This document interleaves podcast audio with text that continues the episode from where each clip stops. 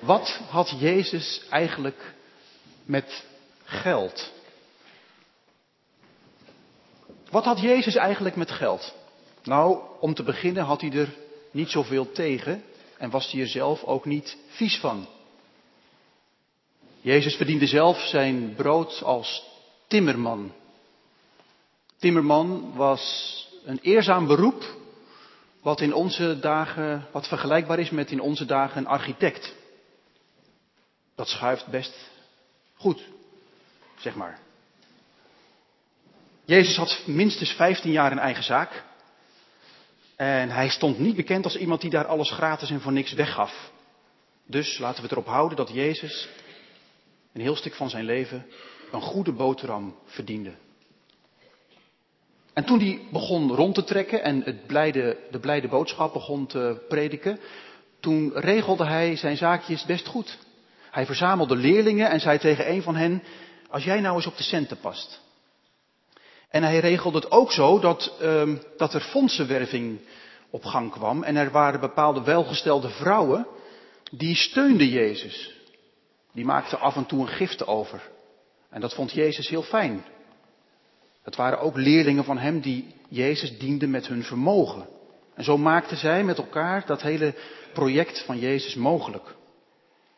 En toen Jezus gekruisigd werd, stond daar nooit zo bij stil, maar ik las dat van de week. Toen, toen trokken ze zijn kleding van zijn lichaam, maar een beetje voorzichtig, want het was hele mooie kleding. Uit één stuk geweven. En de soldaten vonden het zo mooi dat ze een dobbelsteen pakten en begonnen te dobbelen alsof ze kleine kinderen waren. Ik wil het hebben, nee, ikke. Nou, dan gaan we dobbelen. Jezus was dus een goed gekleed man. Dat kost geld.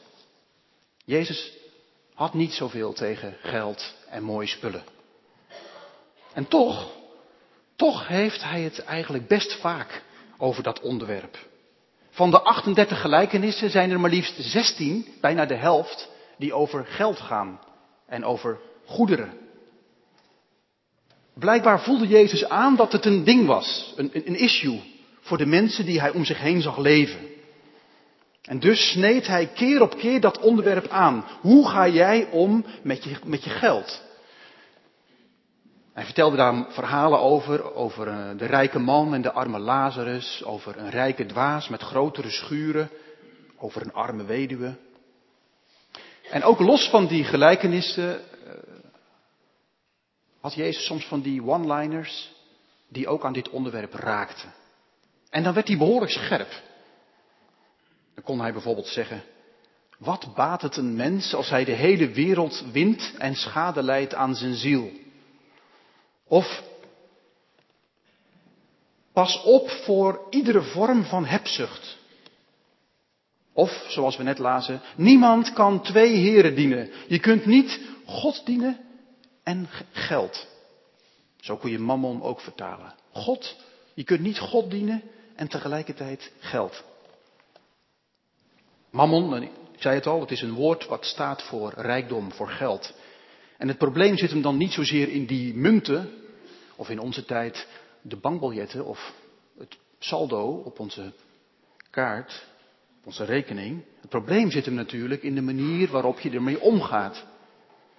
En Jezus zegt, dat kan een soort macht worden in je leven. Een soort Heer die je dan begint te dienen. Een soort God. En het opvallende van die mammon is, hij heeft een hele goede vermomming. Je herkent hem vrijwel nooit. Hebzucht is niet iets wat je snel ziet bij jezelf. Je kunt misschien gemakkelijker toegeven dat je wel eens wat trots tegenkomt, of jaloezie, hoogmoed, begeerte. Maar wie, wie hoor je nou eens zeggen dat hij last heeft van hebzucht? Wie durft het echt te benoemen dat hij simpelweg het lastig vindt om iets weg te geven en eerlijk gezegd te veel geld uitgeeft voor zichzelf? Vandaar dat Jezus specifiek waarschuwt en zegt: pas op voor iedere vorm van hebzucht. Dat zegt hij niet bij andere zonden. Die, zie je, die voel je vaak op je klompen aankomen. Maar hebzucht is een beetje sneaky. Een beetje, het is er, maar het, wordt zo niet benoemd. En we hebben er allerlei handige maniertjes voor. Ik, ik ken ze net zo goed als u hoor. Wat we dan bijvoorbeeld doen is, dan, dan kijk, u, jij leeft in een bepaalde sociale klasse, ik ook. Bijvoorbeeld, uh, u houdt van bepaalde kleding waar u zich lekker in voelt. Daar hangt dan een prijskaartje aan. Um, we houden van een bepaald soort eten. Daarom ga je naar die ene supermarkt waarvan je denkt, dat is hoe ik het wil. En niet naar een andere. We rijden een auto in een bepaalde klasse. Want dat past bij je, toch? Dat voelt goed. Je hebt een huis met een zekere ruimte en comfort. Je vult je vakantie op een bepaalde manier in. Dat hele pakket samen, dat vergelijk je dan het liefst met mensen die ook in diezelfde sociale klasse zitten. Ik weet niet hoe het u vergaat, maar denk maar eens na over je vrienden met wie je omgaat. Negen van de tien zitten in dezelfde sociale klasse als u en jij en ik. Want het voelt bepaald ongemakkelijk om met iemand om te gaan uit een andere sociale klasse, met name uit een lagere klasse. Ja, want dan voel je je soms wat. Dan kun je je dus ongemakkelijk gaan voelen. Over wat je zo al bezit en hoe je je geld uitgeeft. Maar wat we dus doen is, we vergelijken onze levensstijl met iemand die ook ongeveer zo leeft en dan liefst met iemand die net iets meer heeft. En dan zeggen we tegen onszelf, wat ik doe is eigenlijk heel gewoontjes. Want kijk eens naar hun. Zij doen nog veel meer. En kijk eens hoe zij leven, waar doen ze het van? En zo heb je al heel gauw een goed gevoel bij je eigen levensstijl. En het zinnetje wat dan vaak valt, ook bij mezelf, is deze. Ik werk er ook hard voor en dan heb ik het ook echt nodig. Ik kan ook echt dan niet zonder. Dan hou ik het niet vol. En in dat zinnetje zit volgens mij echt een, een vrij hoog mammongehalte. Ik kan echt niet zonder. Ik heb het echt nodig. Jezus ziet om zich heen in zijn tijd ook al de impact van geld en goed. En, en ziet dat wij mensen geneigd zijn om al, alles wat we bezitten een vrij grote plek te geven. Een ongezond grote plek. En dan gaat het niet eens natuurlijk om de, om de centen, om de, maar het gaat erom wat we ermee kunnen doen. Ik las ergens van de week, wij mensen hebben in ons hart een vrij ingewikkelde afgodenstructuur.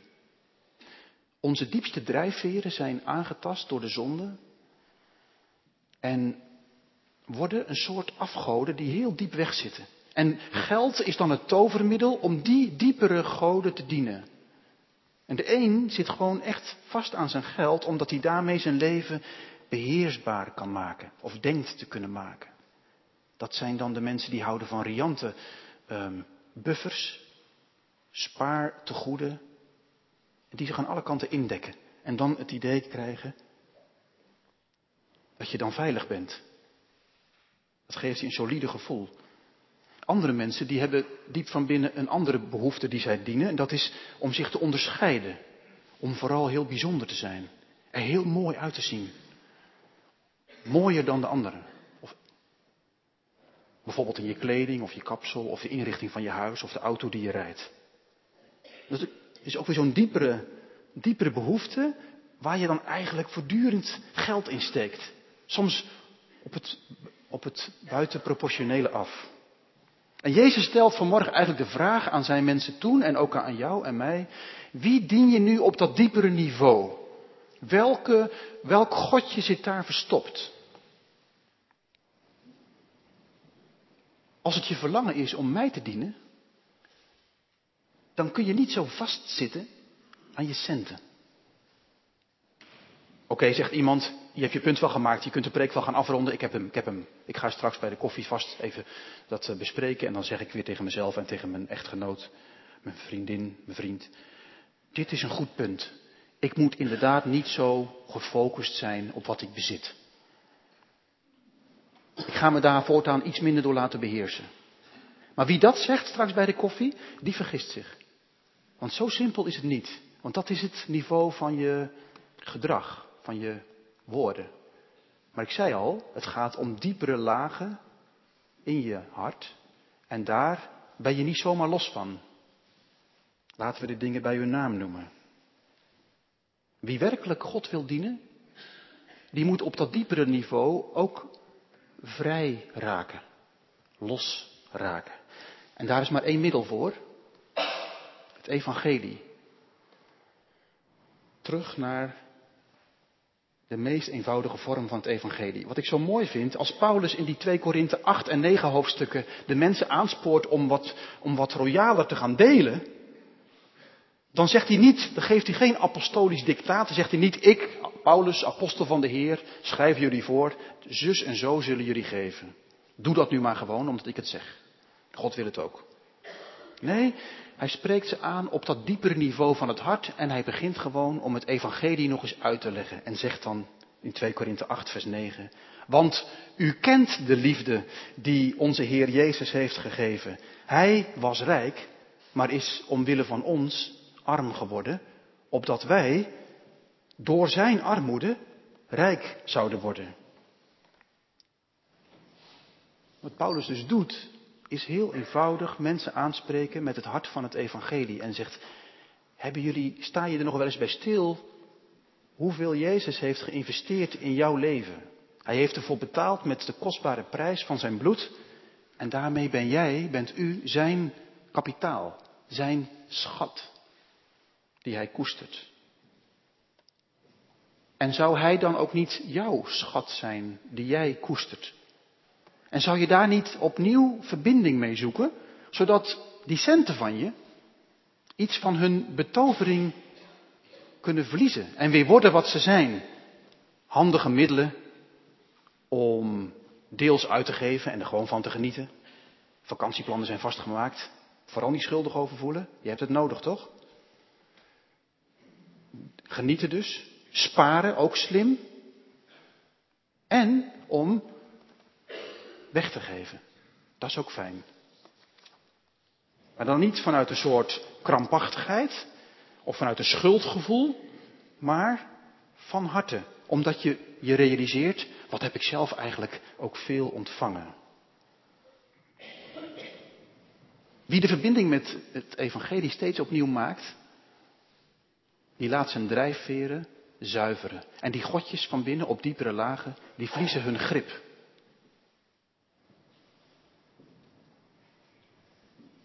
Geven is in de Bijbel echt een grondthema. En in de Bijbel, zeker in het Oude Testament, krijgen de mensen allerlei praktische vormen mee om zich te oefenen in, in geven. In ontspannen omgaan met geld en goed. Bijvoorbeeld het brengen van offers. Of het houden van een vaste periode.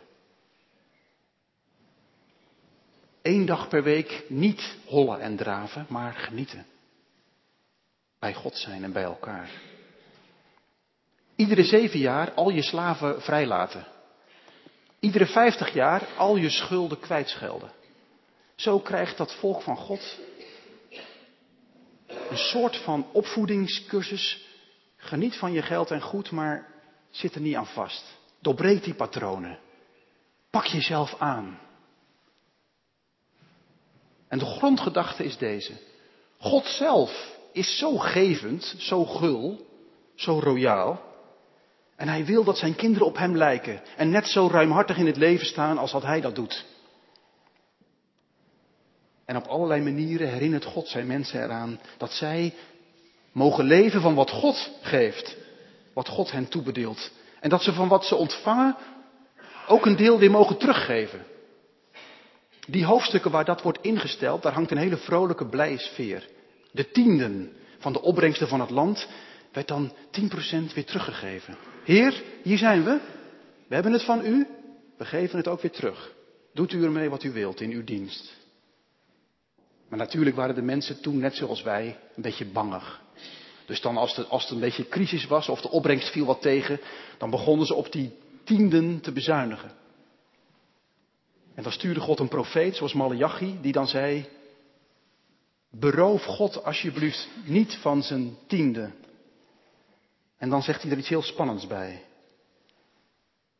Breng de tienden en beproef mij toch hierin, zegt de Heer van de hemelse legermachten, of ik niet de vensters van de hemel voor u zal openen en zegen over u zal uitgieten, zodat er geen schuren genoeg zullen zijn. Durf te blijven geven, zegt de Heer. Want van geven word je rijk. En geef dan niet met een steek in je hart of met frisse tegenzin. Maar geef vanuit een blij hart. Want je geeft het terug. Aan degene die jou zo zegende. Niet omdat je doel zo goed is of omdat de mensen die je geeft zo dankbaar zijn. Maar omdat God je grootste rijkdom zijt, is. Ik loof u die mijn grootste rijkdom zijt, zongen we. En omdat je erin op vertrouwt dat Hij voorziet in wat jij u nodig hebt. En dus ook in wat je kunt geven. Weet je wat ook zo mooi is bij die Bijbelse gebruiken van geven? De gewoonte van de eerstelingen. Ik weet niet hoe dat bij u in het gezin gaat, maar sommige mensen geven vooral uit ingevingen, uit spontane impulsen. Ze komen iets tegen in het nieuws en dan maak je wat over. Of er komt een brief binnen, een bedelbrief van een of andere stichting en je, en je maakt weer wat over, want je denkt oké, dat is wel goed. Maar in, in het Oude Testament leren we dat geven niet alleen maar iets is van spontane ingevingen, maar ook iets van discipline. Want je hart is misschien niet altijd zo geneigd, maar dan is het goed om terug te vallen op goede gewoontes. En wat deden, wat deden de mensen in het Oude Testament? Aan het begin van een kalenderjaar stelden ze bij zichzelf vast, hoeveel kan, wil en mag ik geven? En dan ga ik dat maar ineens doen. Zij deden dat dan bij de oogst. Als de oogstopbrengst binnen was, dan brachten ze meteen hun gaven bij God. De eerstelingen noemden ze dat. En het zou voor u en ook voor mij geen kwaad kunnen als wij onze, misschien doet u dat al lang, als we een periode beginnen, niet met uitgeven of het boeken van een vakantie, maar net daarvoor de slag maken en zeggen, wat kan, mag en wil ik geven? Laat ik dat maar ineens regelen, met automatische incasso's en zo.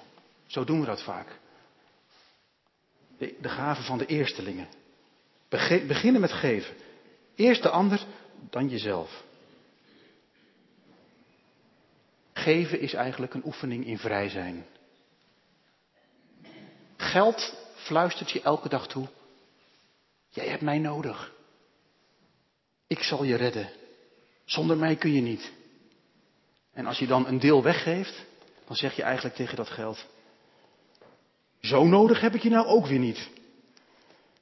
Ik ben vrij en ik dien een andere God. Het gaat God natuurlijk niet om je centen. Het gaat God om je hart. En hij kan er zo slecht tegen als jij je hart zet op iets wat vluchtig is en vergankelijk. Op geld of spullen. Ja, Jezus heeft het eigenlijk best vaak over geld. Kennelijk doet het ertoe hoe u, jij en ik omgaan met ons geld.